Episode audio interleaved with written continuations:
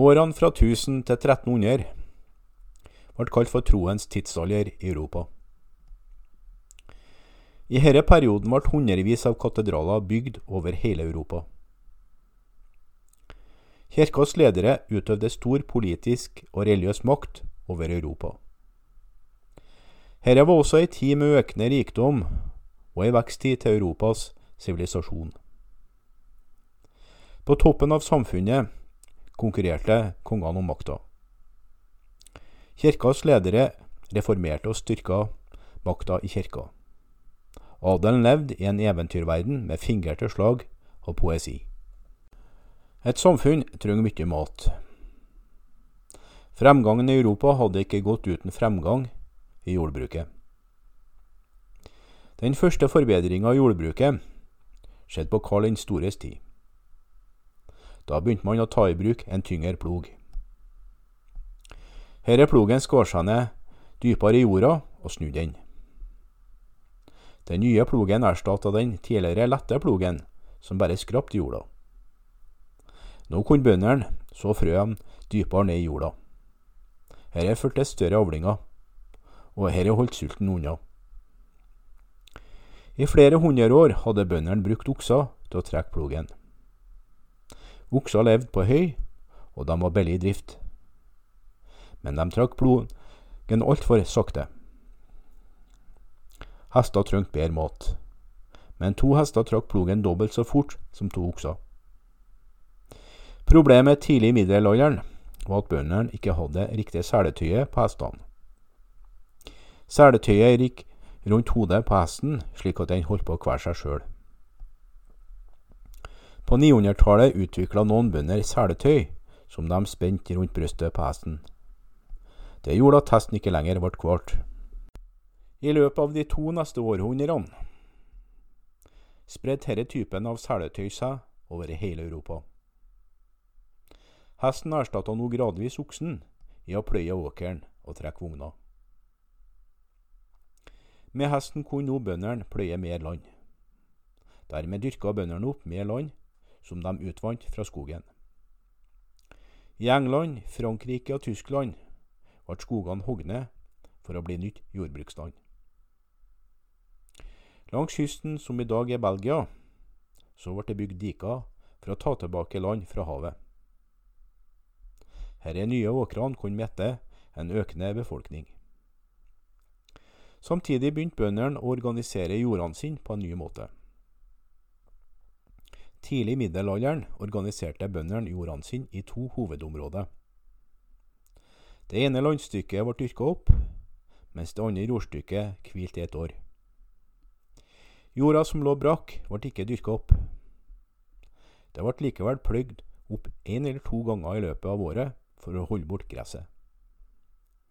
Neste året ble jorda som lå brakk, tatt i bruk for jordbruksformål, mens jorda som hadde vært i bruk, fikk nå hvile seg. På 800-tallet begynte noen bønder å dele jorda opp i tre jordstykker. To jordstykker ble dyrka opp, mens det siste fikk hvile. Dermed økte avlingene. Bøndene ble samtidig friskere og sunnere. Det tok 400 år før dette systemet ble tatt i bruk i hele Europa. Større matmengder betydde også mer folk. Mellom 1000 og 1150 økte befolkninga i Europa med 40% I 1150 bodde 42 millioner mennesker i Europa. Da befolkninga økte, så var det en del mennesker som flytta inn til byene for å livnære seg der. De europeiske byene var primitive og små. Rundt 1200 bodde bare 30 000 mennesker i Paris. En typisk middelalderby hadde 1000-2000 mennesker. Men disse små bysamfunnene satte i gang en stor endringsprosess. Byboerne ble en ny klasse. De var ikke adelsmenn, geistlige eller bønder. En befesta by med murer ble kalt for en borg. Innbyggerne ble kalt for borgere. I Frankrike kalte de seg for bourgeoisie. Mange av Europas jøder bosatte seg i disse småbyene. Jødene hadde ikke lov til å dyrke jord. De var ikke en del av det føydale systemet. De fikk ikke ha mange yrker. Derfor måtte de gjøre arbeid som de kristne ikke ville ta. Kirka tillot ikke de kristne å låne ut penger. Dermed begynte mange jøder som pengeutlånere. Det var jødene som starta den grynende bankvirksomheten i Europa. Da handelen utvikla seg senere i middelalderen, så starta mange av jøder med en handelsvirksomhet som straks over mange og lange distanser. Jødene hadde gode kontakter seg imellom i de forskjellige byene, slik at de kunne gi kreditt og overføre penger. I høymiddelalderen var handelsvirksomheten den viktigste aktiviteten i byene. Byer og handel kunne ikke eksistere uten hverandre. Chartres er et godt eksempel på hvordan en middelalderby var. Prester, nonner og munker utøvde sin virksomhet i byens katedral. Noen mennesker administrerte kirkas penger og landeiendommer. Bønder fra landsbygda kom inn til byen for å feire kirkas høytider. Pilegrimer kom reisende langsteds fra for å tilbe helgena. Håndverkere som smeder, skomakere, snekkere, hjulmakere osv. slo seg ned i byen for å skaffe seg et utkomme. Først hadde de ikke egne verksteder i byen. De solgte først varene sine på byens marked. Bøndene rundt Chartres ville reise fra godsene sine for å selge varene sine på det lokale markedet hver uke. Ofte ble varene solgt i skyggen av katedralen. Det ble solgt tøy og klær, kjøtt, fisk, ost, vin og frukt. Man kunne også få kjøpt lærvarer, pels, kniver, tau osv. Slike markeder var viktig for at samfunnet skulle fungere. Nå ble ikke varer produsert for egne behov. De ble nå fremstilt for salg. Fire ganger i året ble det holdt store markeder i Chartres. Det var når pilegrimene kom på besøk. Folk kom fra fjern og nær. Folk kjøpte varer fra lokale handelsmenn, men også varer fra kremerne som kom fra andre land. Sirkusartister sto for underholdninga. Skomakerne i en by lagde skoene på samme måte, og de solgte dem til samme pris. Det var laugene som sørga for at det ble slikt. Et laug var en organisasjon som arbeida i samme yrke. De første laugene var organisert av kjøpmenn. De bygde egne laugshus, hvor de hadde møter hvor de diskuterte priser og business. Medlemmene i kjøpmannslauget kontrollerte all handel i byen sin. Det var bare medlemmene av kjøpmannslauget som hadde retten til å drive handel i byen. Erfarne håndverkere starta håndverkslaug. Skomakere, hjulmakere, glassblåsere, apotekere, skreddere osv. møttes i egne laugshaller. I manufakturbransjen var det kvinnfolkene som var i flertall. Laugene satte opp standarden på kvaliteten på varene. De medlemmene som juksa med kvaliteten på varene, ble straffa eller ekskludert ut av lauget. Lauget satte opp prisen på varene som medlemmene solgte. Prisen var basert på materialkostnader, pris på arbeid og en liten fortjeneste. Å ta for stor fortjeneste ble betrakta som syndig. Medlemmene betalte også en avgift som skulle dekke utgiftene til en avdøds begravelse og til underhold for den dødes familie. Døra til lauget var bare åpent for godkjente mestere. Familien betalte en sum for at sønnen deres skulle bli tatt opp som lærling av en mester i et laug. En lærling bodde og arbeida i mesterens hus. En svenn kunne gå i lære fra tre til tolv år, før han ble håndverker. Han fikk i denne tida bare kost og losji. Etter opplæringa arbeida håndverkeren i flere år for mesteren. Etter noen år kunne han ta et svennestykke. Hvis dette arbeidet ble godtatt, så kunne håndverkeren nå kalle seg for mester. Mange livegne dro inn til byene for å skaffe seg et bedre liv. En livegen rundt 1100 ble en fri borger hvis han klarte å bo i en by i et år og en dag. De føydale herrene skattla de nyetablerte byene hardt i starten. De skattla alt. Retten til å arrangere et marked, retten til å passere en by, og tillatelser til å holde en rettssak ble skattlagt.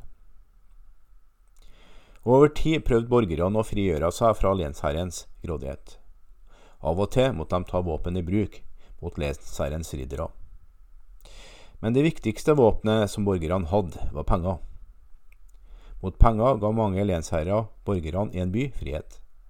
Dermed ble byene uavhengig av det føydale systemet. Under middelalderen prøvde kirka å bevare sivilisasjon på mange måter. Fra 500 til år 1000 hadde kirka lidd på mange vis. Klosteret hadde blitt plyndra av vikinger. På denne måten sank kunnskapsnivået. Mange prester kunne nesten ikke lese opp bønnene sine. Kirkeledere var korrupt. Det var italienske adelsmenn som valgte pavene. Mange av disse pavene hadde urent mel i posen. Mange biskoper og abeder var mer effektive som føydale herrer enn åndelige ledere. Mellom 1000 og 1300 forbedra kirka sin posisjon betraktelig.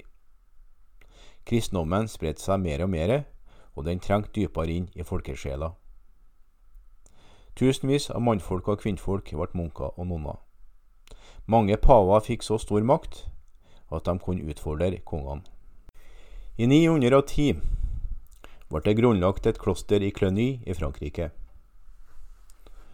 Cluny ble grunnlagt av hertugen av Aquitaine. Hertugen prøvde ikke å skape egen rikdom ut av klosterets eiendommer. Han ville at klosteret skulle være underlagt paven og ikke nærmeste lensherre. Abedene ved klosteret i Cluny levde etter Benedikts leveregler. Renheta som munkene ved Klenyklosteret levde etter, førte til at det ble bygd mange lignende kloster over hele Europa. Rundt år 1000 ble 300 klostre ledet ut fra Cluny. Klosteret i Cluny starta en reform av kirka. For mange munker og nonner så var Benedikts regler strenge nok til å leve et hellig liv. Etter år 1000 var det mange munker og nonner som valgte å leve enda strengere og striktere liv. Sistersienserne ble grunnlagt i 1098. De måtte bygge klostrene sine bare ut i villmarka. De dyrka opp mye jordbruksland ute i villmarka. Mange likte å leve dette harde livet, og sistersienserne fikk mange tilhengere. Kirkelige reformatorer prøvde å befri kirka fra påvirkninger fra konger og keisere. Det første skrittet var å prøve å befri pavedømmet fra påvirkninga fra italienske odelsmenn. I 1059 kom det et pavelig dekret som bestemte at kongen skulle velges på et møte med kardinaler. Nå kunne ikke lenger folket i Roma, italienske adelsmenn eller keiseren velge paven. Paven ville også fjerne tre ordninger som hadde vært rådende i den tidlige fasen av middelalderen. Kirka ville at prester skulle leve i sølibat. Tidligere kunne prestene gifte seg. Man ville også slutte slutt på kjøp og salg av geistlige embeter. Mange biskoper forventa å gjøre profitt på embetet sitt. Det fulgte store landområder med biskoptittelen. Investitur kaltes seremonien der en biskop mottok lenet sitt. Diskusjonen gikk ut på om en verdslig lensherre eller en geistlig leder skulle overrekke lenet sitt til biskopen. Kongene ville gjerne ha kontroll over biskopene i landet sitt. I 1073 var den viktigste reformatoren i kirka en pave. Han tok navnet Gregor den sjuende. Han satte raskt i gang med å realisere målene sine. Han innførte ordninga med at prester måtte leve i sølibat. Dermed måtte et stort antall prester forlate familiene sine. I 1075 forbød han ordninga med at verdslige embetsmenn skulle utnevne biskopen. Den unge tyske keiseren Henrik Den fjerde ble fly forbanna. Han sammenkalte et møte med de tyske biskopene. Biskoper han hadde utnevnt sjøl. Med de tyske biskopene støtte sendte han et brev til paven, der han sa at paven ikke var pave, men en falsk munk. Han ga Gregor beskjed om å trekke seg som pave. Paven svarte med å bannlyse Henrik. Det hele var avhengig av hvilken side de tyske biskopene og prinsene ville støtte. Det endte med at de støtta paven. Henriks situasjon virka helt håpløs. Den eneste måten han kunne beholde keisertittelen på, var å be paven om nåde. Midt på vinteren i 1077 drar Henrik over Alpene til den italienske byen Canossa. Han dro til et slott der pave Gregor var gjest. Henrik var barføtt og kledd i en enkel kappe. Henrik måtte stå utafor slottet i tre dager, før paven aller nådigst ba han inn. Dette var en av de mest dramatiske konfrontasjonene under middelalderen. Dette var en dyktig politisk manøver av Henrik. Han fikk nåde av paven. Dermed kunne han dra hjem til Tyskland og straffe de ulydige adelsmennene. Seieren var størst for paven. Han hadde straffa en av de mektigste kongene i Europa. Likevel var spørsmålet om hvem som skulle utnevne biskopene, uløst. Gregor døde i 1085. Henrik døde i 1106. Etterfølgerne deres slåss om investiturspørsmålet helt frem til 1122. Det året møttes representanter fra paven og den tyske keiseren i Worms. De arbeida fram en løsning som ble kalt for konkordatet i Worms. Det var kirka som ga biskopen hans ring, og en stab som kunne hjelpe han. Kongen ga landområdene som biskopen skulle leve av. Likevel hadde keiseren en viss makt over biskopene. Pavene som fulgte Gregor den 7., hadde større makt enn kongene og prinsene på samme tida. Hvis en konge fortsatte virksomheten etter å ha blitt lyst i bann, så kunne paven utstede et interdikt. Dermed kunne det ikke holdes noen kirkelige seremonier i kongens land. Det ble ingen dåp, begravelser, vielser eller konfirmasjoner. Et interdikt ville sette stort press på en konge slik at han var tvunget til å bøye seg for pavens ønsker. På 1100- og 1200-tallet lignet pavedømmet på et kongedømme. Det ble styrt av paven fra Roma. Kurien, som var pavens stab, hjalp han med å styre kristenheten. De gav paven informasjon, råd og utførte pavens beslutninger. Paven hadde også diplomater som reiste rundt i Europa og besøkte konger og keisere. Utafor Roma lå kirkens makt i hendene på biskopene. De hadde egne domstoler som konkurrerte med lensherrenes domstoler. De dømte i saker som gjaldt ekteskap, skilsmisse og testamenter. De dømte etter kanonisk rett, som var pavens rett. Kirka samla også inn skatter hver familie i Europa måtte betale tiende til kirka. Hver biskop måtte betale fjerdeparten av all tienden som kom inn til fattige og syke. Foreldreløse, spedalske og tiggere fikk hjelp fra kirkens fond. De fleste sykehusene i middelalderen ble drevet av kirka. Rundt 1200 drev kirka 400 sykehus i England. Bare i Paris drev kirka tolv sykehus. De som var syke, kunne avvises. Pavene så på seg sjøl som forkjempere av den kristne sak. De oppfordra kristne til å gå i krig mot muslimene. De satte også i gang forfølgelse av kjettere på hjemmebane. Noen kom frem til løsninger på kristendommen som kirka ikke godkjente. Mange kjettere dukka opp i Europa på 1200-tallet. Kirka slo tilbake med all sin makt. Hele landsbyer med påståtte kjettere var tatt av dage. Inkvisisasjon var kirkas viktigste våpen i kampen mot kjetteriet. Dette var en organisasjon av eksperter som hadde spesialisert seg på å finne og dømme kjettere. Rundt 1225 sendte paven representanter fra inkvisasjon til mange steder rundt om i Europa. Her er mannfolkene vendte alle stener for å finne kjettere. De hørte på rykter og sladder. En person som var mistenkt for å være kjetter, kunne bli utspurt i flere uker og til og med torturert. Det var nesten umulig for en mistenkt å bevise sin uskyld. Kirka hadde også et annet våpen mot kjetterne. På 1200-tallet reiste tiggermunker fra plass til plass. Ved å preke til folket prøvde disse tiggermunkene å spre kirkas ideer og vinne kjetterne tilbake til kirka. Herre tiggermunkene var ydmyke, fattige og lydige.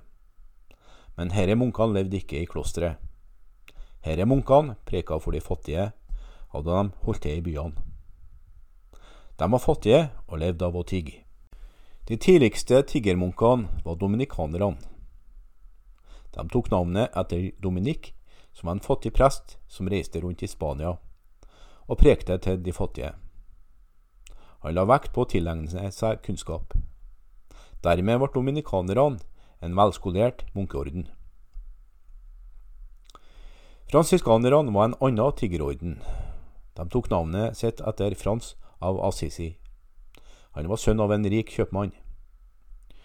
20 år gammel begynte han å preke for de fattige. Frans behandla alle levende vesen som sine slektninger. Frans la liten vekt på kunnskap. Kvinnfolk ble også med i dominikanerne og fransiskanerne, men de fikk ikke lov til å reise rundt og predike. Disse kvinnfolkene levde i fattigdom og hjalp fattige og syke. Snart ble dominikanerne med hvite kapper og fransiskanerne med brune kapper et vanlig syn på europeiske landeveier. Disse tiggermunkene fikk enorm respekt for den ydmyke livsstilen sin. Spor etter kirkas rikdom kan ses overalt i Europa. Mellom 1000 og 1100 byer i Europa begynte å bygge massive kirker. Disse byggene ble bygd i romansk stil. Det var en arkitektonisk stil som henta mye av sin inspirasjon fra romersk arkitektur. Kirka bygd i romansk stil var imponerende men noen var kritiske til denne arkitekturen. De tunge steinbygningene virka som de ble pressa mot jorda, og de små vinduene slapp inn lite lys. Suger, som var abbed ved klosteret i Sankt Denis, mislikte denne arkitektoniske stilen. Han ville bygge en kirke som strekte seg mot himmelen. Suger ville at kirka skulle bli godt opplyst. Lyset skulle slippes inn gjennom mange vinduer. Lyset skulle minne om Guds tilstedeværelse. Sugers krav om høyere kirkebygg og lysere kirker skulle sette standarden for de framtidige kirkebyggene i Europa. I lang tid hadde franske byggmestere eksperimentert med å utvikle nye byggeteknikker. Under Sugers ledelse fikk disse byggmesterne prøve ut teknikkene sine. Den nye bygningsstilen fikk navnet gotisk byggestil. De tok i bruk hvelv, der ribba gikk fra søylene og opp i taket. Veggene mellom søylene bar ingen vekt i det hele tatt. Store glassvinduer ble plassert i disse veggene. På utsida av kirka ble det bygd strebebuer. For å få til høyden på kirka, så ble det bygd buearker. Det ble i løpet av kort tid bygd flere gotiske katedraler i Frankrike. I 1163 starta man byggingen av Notre-Dame i Paris. Det skulle bli den høyeste bygninga i sin tid. Men katedralene i Chartres, Reims, Amiens og Beauvais skulle bygges enda høyere. Den gotiske byggestilen spredte seg utover hele Europa. Fra 1170 til 1270 så ble det bygd 500 gotiske katedraler i Europa. Katedralen i Chartres var spesiell. Glassmaleriene fortalte historier fra Bibelen. Det samme gjorde skulpturer rundt om i kirka. Katedralen ble en slags bibel for de fattige.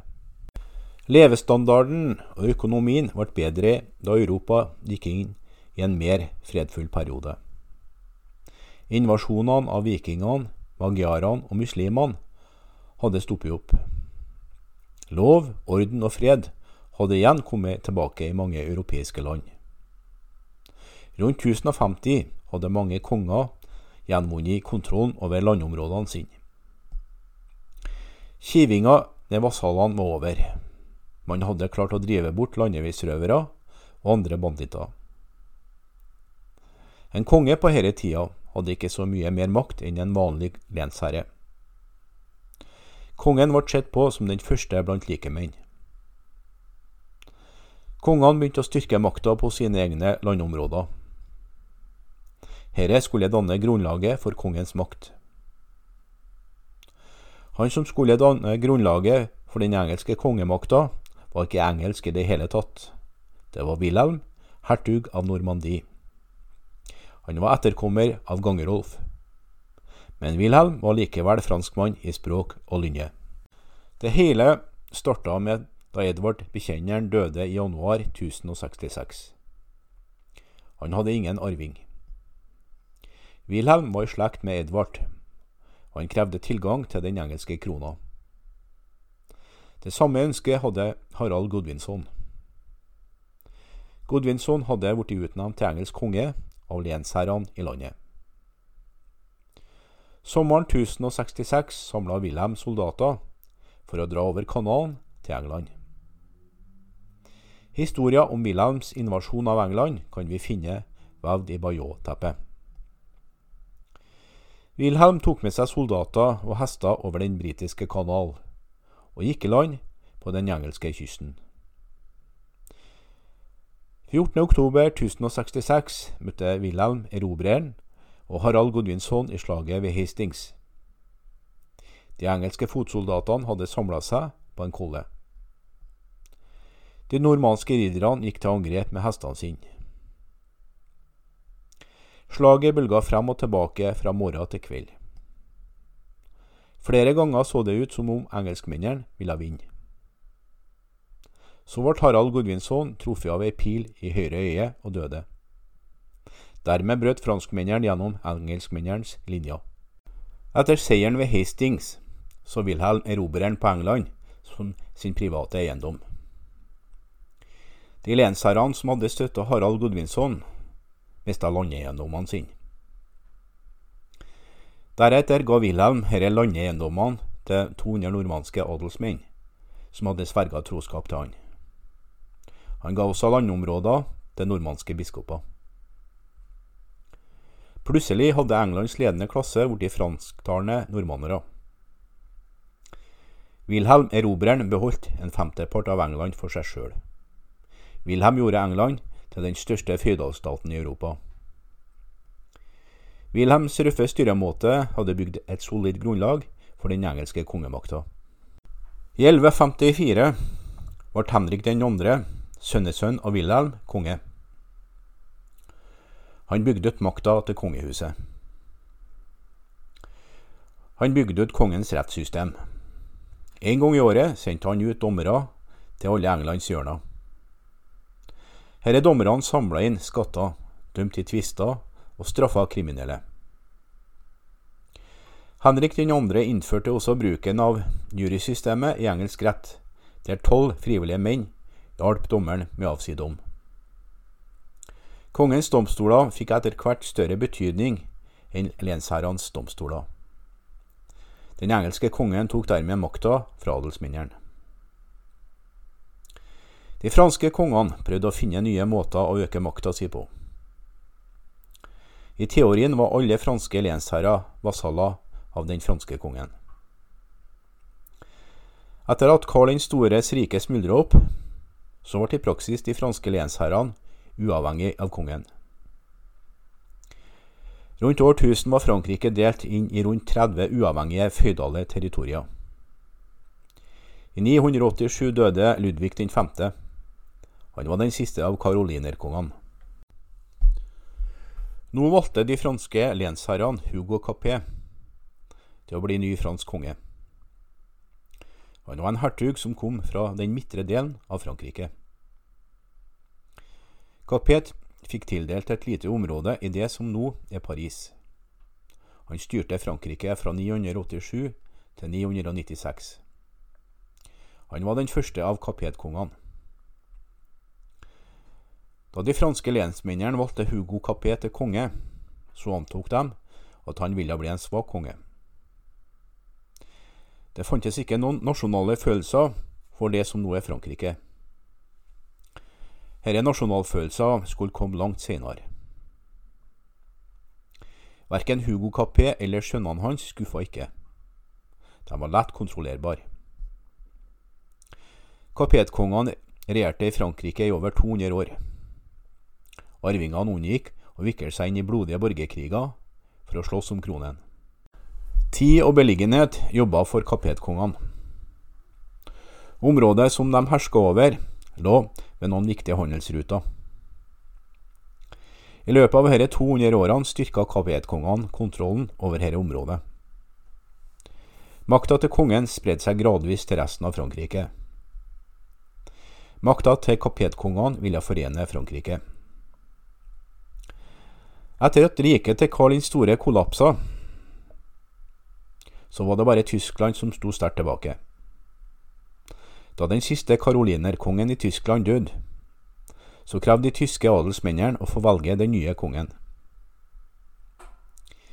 I 919 ble hertugen av Saksen, Henrik den første av Saksen, valgt til ny tysk konge. Henrik var konge helt til 939. Han vant flere militære seire over slaverne og magyarene.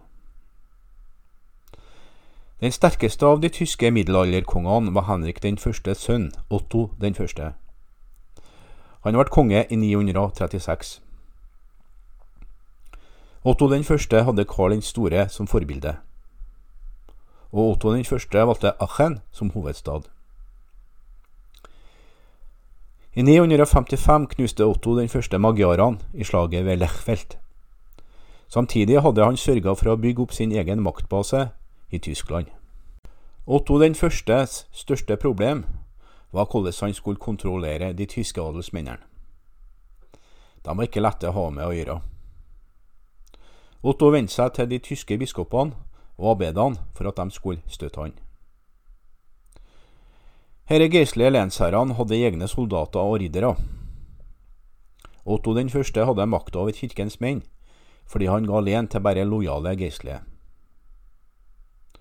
Ottos bror ble biskop i Köln, og sønnen ble erkebiskop i Mainz.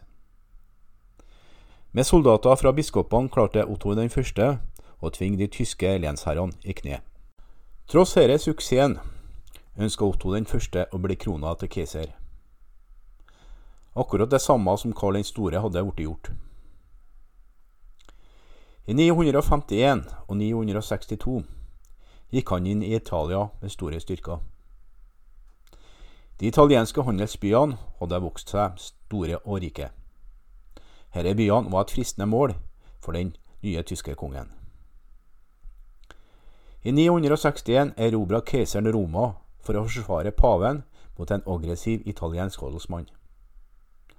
Paven belønna innsatsen til Otto med å krone han til keiser.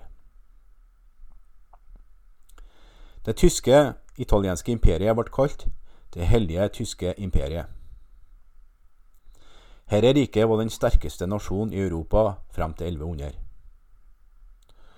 Otto den førstes drøm om å gjenskape Karl den stores rike skulle skape store problemer for fremtidige tyske konger.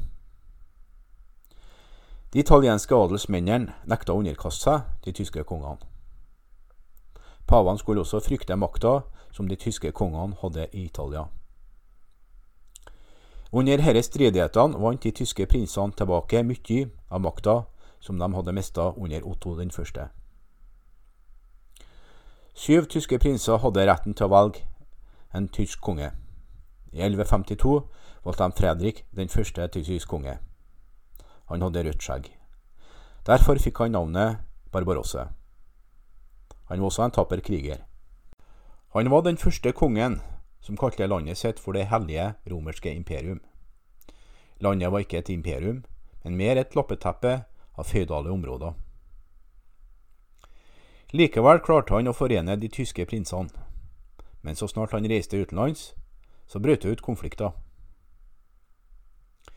Han satsa ikke på å bygge ut kongemakta i Tyskland. I stedet prøvde han å få kontroll over de italienske handelsbyene. Fredrik den første invaderte Italia flere ganger, og han forårsaka store ødeleggelser. De italienske handelsmennene la til side alle interne stridigheter, og samla alle ressurser for å drive tilbake den tyske kongen. Paven slutta seg også til de italienske handelsmennene. Sammen grunnla de det lombardiske forbundet. I 1176 møtte soldater fra det lombardiske forbundet ridderne til Fredrik Barbarossa i slaget ved Legano.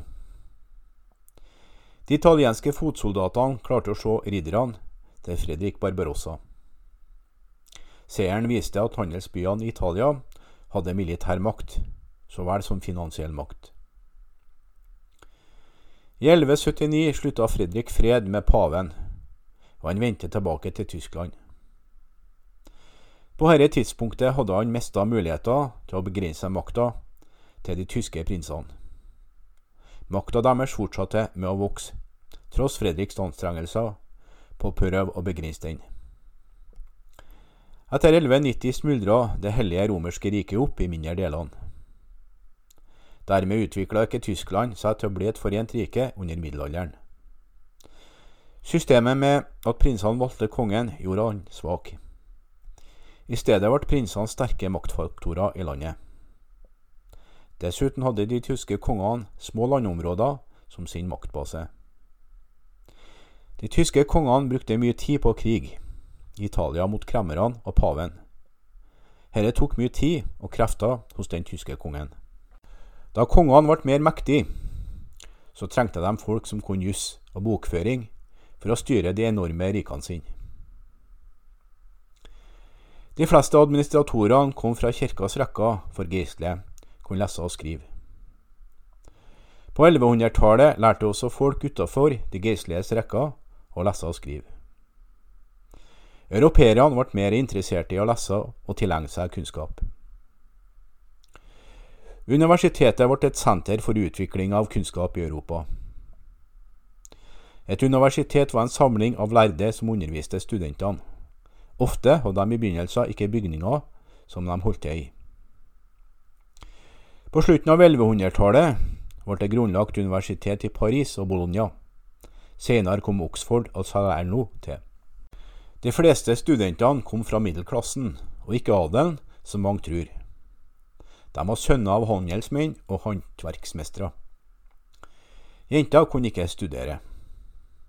Målet for disse studentene var å få seg jobb innen det offentlige eller i kirka. Forelesningene ble holdt i lederrom eller i kirka. Heldige studenter kunne sitte under forelesningene, men de fleste måtte stå. De prøvde å huske alt det foreleseren fortalte dem. Eksamenene var muntlige, og det var mangel på bøker og skrivesaker. Ei bok var svært dyr innkjøp. Ofte leide studenter bøker. For å bli adjunkt så brukte studentene tre til fem år på universitetet.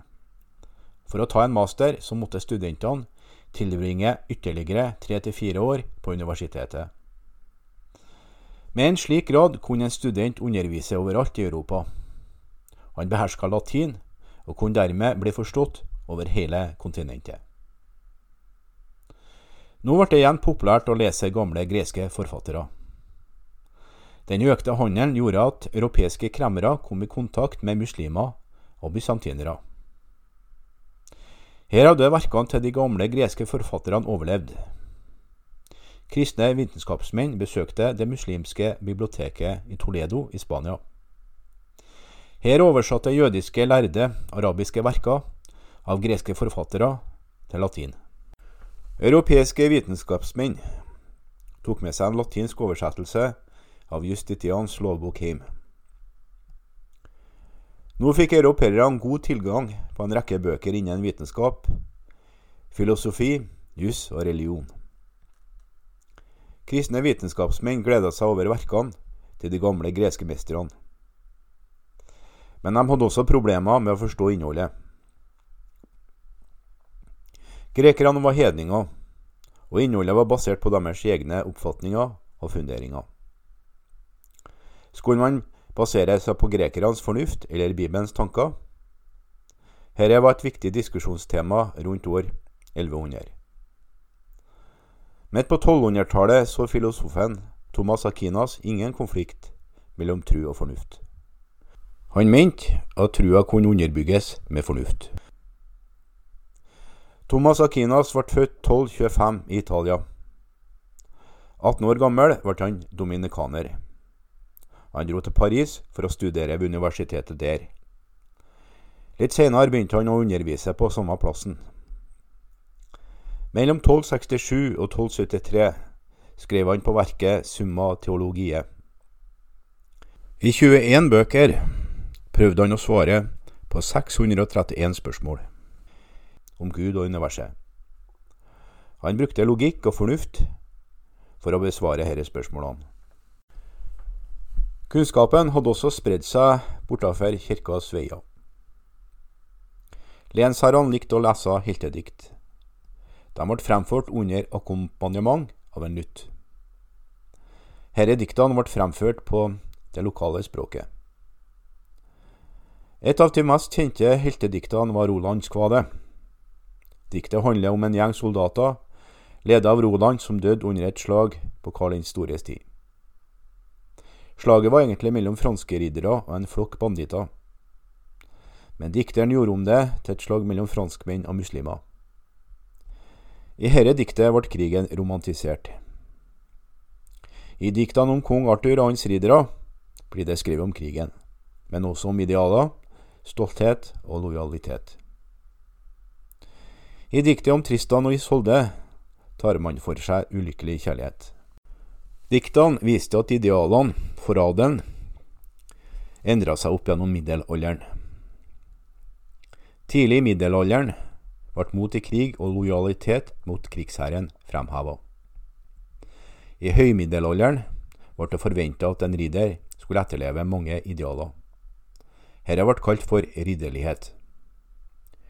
Ordet ridderlighet kommer fra det franske ordet cheval og chevalier. Loven om ridderlighet krevde at ridderen skulle kjempe for sin lensherre, for vår herre og for kona. Ridderen skulle hjelpe de fattige og forsvare de svake. Herre levereglene førte den europeiske sivilisasjonen opp på et nytt nivå. Utdannelse av en ridder starta da han var i syvårsalderen. Foreldrene sendte han da til lensherrens slott. Her lærte han å oppføre seg høvelig, ri, fekt, jakt og spille sjakk. Men ridderne lærte ikke å lese, fordi det var ikke regna som mandig nok. 14 år gammel ble lærlingen en våpendrager. Han ble assistenten til en ridder, og hjalp han med våpen og rustning. Samtidig brukte han tida med å fekte og tilbringe tida på hesteryggen. Våpendrageren fulgte ridderen i krig og på jakt. 21 år gammel ble våpendrageren en ridder. Da måtte han ta et renselsesbad for å rengjøre sjela og kroppen. Han måtte faste en dag og be ei hel natt. Til slutt måtte han knele foran lensherren, som ga han et klapp på skulderen med sverdet. Til slutt steg ridderen opp på hesten og rei rundt kirka. Da knekten var slått til ridder, så reiste han rundt med unge riddere et år. De deltok i kriger og ridderturneringer. To flokker med riddere sloss i ridderturneringa. De tok også fanger. Før 1100 var ridderne mest opptatt av å vinne anerkjennelser til mannfolk. I Rolands kvade spiller kvinnfolk en mindre rolle. På 1100-tallet dukka det opp nye idealer. Ridderligheten gikk ut på at ridderen skulle bruke like mye tid og hengivenhet på dama si som på herren sin. I mange dikt ble det skrevet om konfliktene mellom disse to målene. Trubadurer sang sanger om riddere som tilba kvinnfolkene sine. Det var i Frankrike at de første trubadurene dukka opp. Elinor fra Aquitaine var den mest feira kvinna på denne tida. Trubadurene flokka seg om henne. Som dronning av England skulle Elinor bli mora til Rikard Løvehjerte. Rikard sjøl skrev dikt og sanger. Romantisk kjærlighet gjorde at kvinnfolk ble plassert på en pidestall, der de kunne beundres og tilbedes. Likevel hadde de mindre makt enn i tidligere tider. Elinor fra Aquitaine regjerte England, mens Henrik 2. og sønn Richard Løvehjerte var borte. Da samfunnet ble mer fredfullt og organisert, så holdt kvinnfolkene tilhold i heimen. Ofte overførte lensherrene lenet sitt til sønnene sine. Kvinnfolkene fikk mindre makt og eiendom. Jentene fra adelsfamiliene ble gift i 16-årsalderen. Ektemennene var fra 30 til 50 år gamle. Ektemennene kunne ikke gifte seg før de hadde eiendom. Det fikk de ikke før de arva faren. Jentene hadde ikke noe valg når det gjaldt valg av ektemann. Etter giftermålet så hadde kvinnfolkene mest makt når mannfolkene var ute i krigen. På 1100-tallet dro mange riddere på korstog til Det hellige land. I 1095 holdt pave Urban 2. en tale i Clermont i Frankrike for noen geistlige adelsmenn. Tyrkiske sjelsjuker hadde erobra Bagdad, Jerusalem og hele Lille Asia fra de bysantiske grekerne. Den bysantiske keiseren Alexius Komnenus ba om hjelp fra paven om å drive tyrkerne tilbake. Paven ba ridderne i Europa om å dra til Midtøsten for å redde Jerusalem og Det hellige land. I løpet av de to neste hundre årene var det åtte offisielle korstog og mange uoffisielle. I 1096 ble 60 000 riddere korsfarere. En korsfarer er en kriger som kjemper for en hellig sak. De malte Røde Kors på krigsutstyret sitt.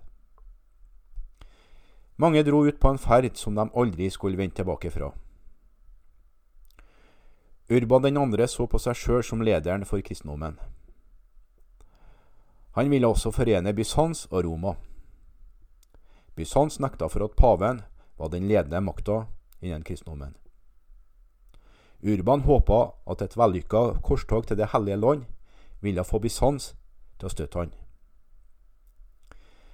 Ridderne hadde ulike mål for å gå i korstog. De kunne få tilgivelse for sine synder, eller vinne ære på slagmarka.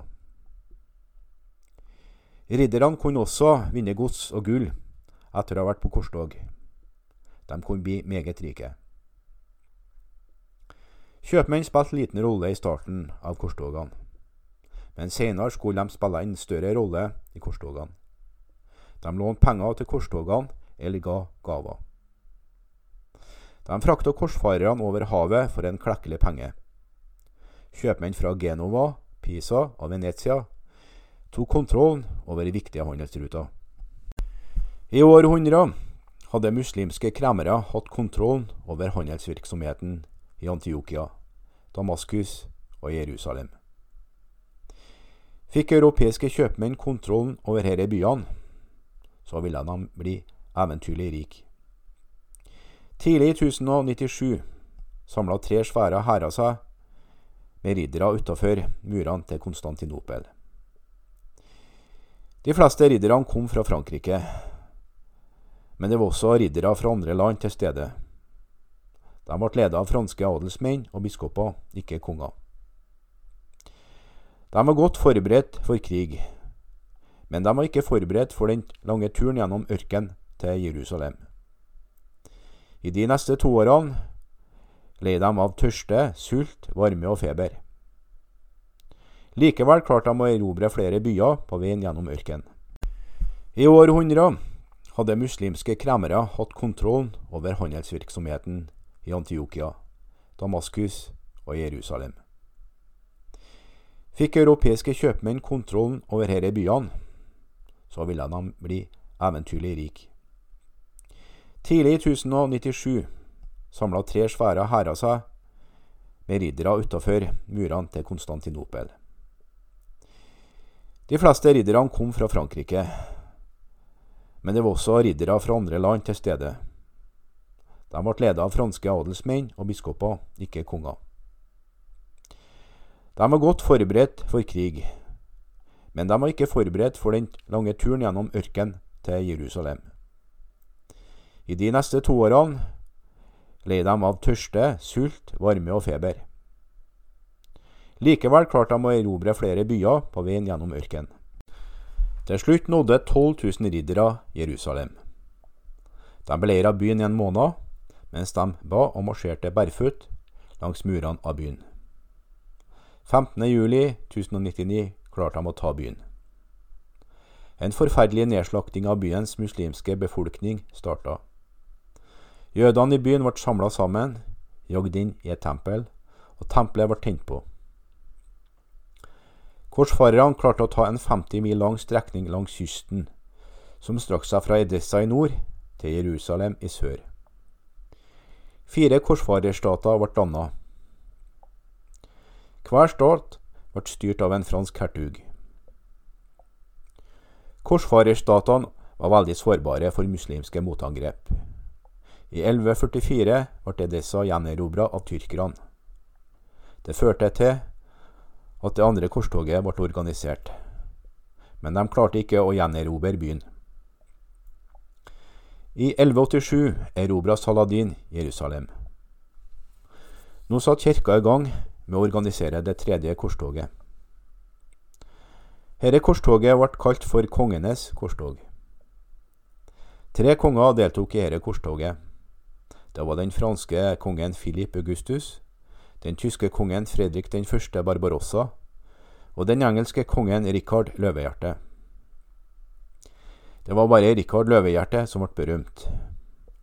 Fredrik Barbarossa falt av hesten sin i ei elv og drukna. Philip Augustus ble syk slik at han måtte dra hjem.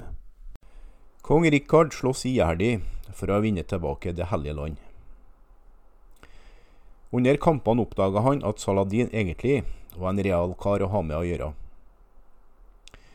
Da Saladin fikk høre at Rikard Løvehjerte hadde blitt alvorlig syk, så sendte han en lege til motstanderen for å gjøre han frisk. De to lederne kom til å respektere hverandre, og i 1192 inngikk de en treårig fredsavtale.